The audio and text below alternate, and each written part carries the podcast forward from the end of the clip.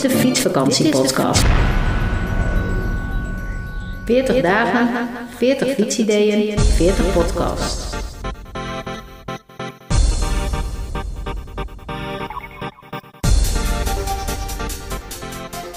Nog 26 uh, fietsideeën naar Pasen toe. Het schiet er lekker op.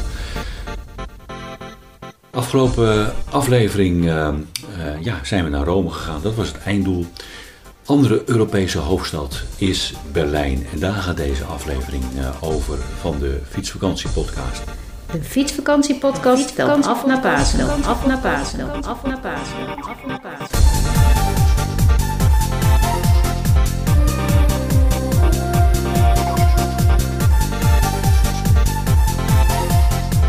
In deze 40 dagen tijd uh, kijk ik terug op mijn fietstochten. Ik ga namelijk uh, dit jaar mijn 40ste lange afstands fietstocht maken. In deze aflevering gaat, uh, ga ik kort even in op de route die we reden in of naar Berlijn. En dat deden we vanaf het plaatsje Koslar in de Harts.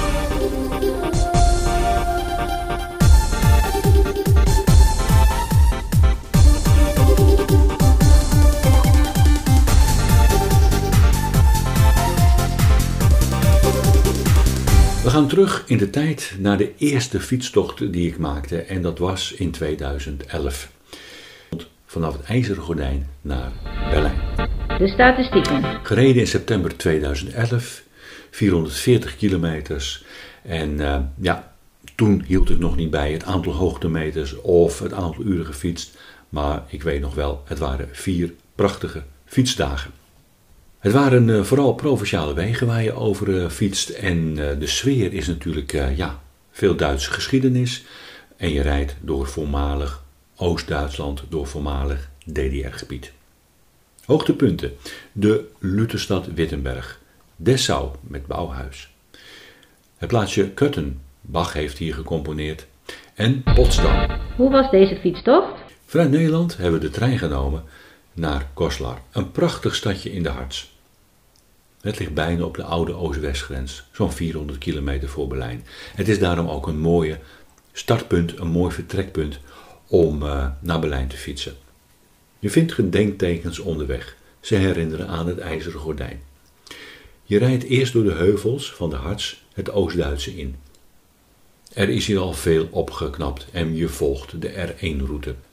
De R1 is een bewegwijzerde fietsroute die loopt van Boulogne in Frankrijk tot Sint-Petersburg in Rusland. Je kunt de fietsroute terugvinden op de site van Europafietsers.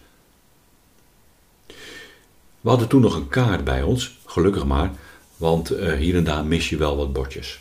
Op de Hartsna is de route vrij vlak en de Elbe kom je regelmatig tegen.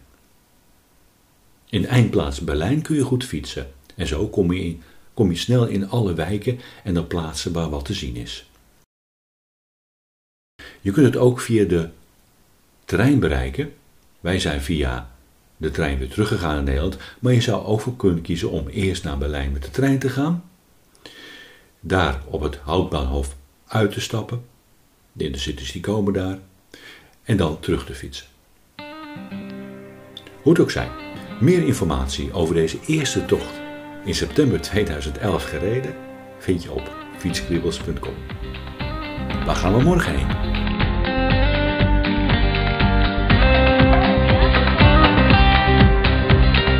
Heb je ook een mooie fietstocht gemaakt en wil je hierover vertellen? Mail naar fietsvakantiepodcast.fietskribbels.com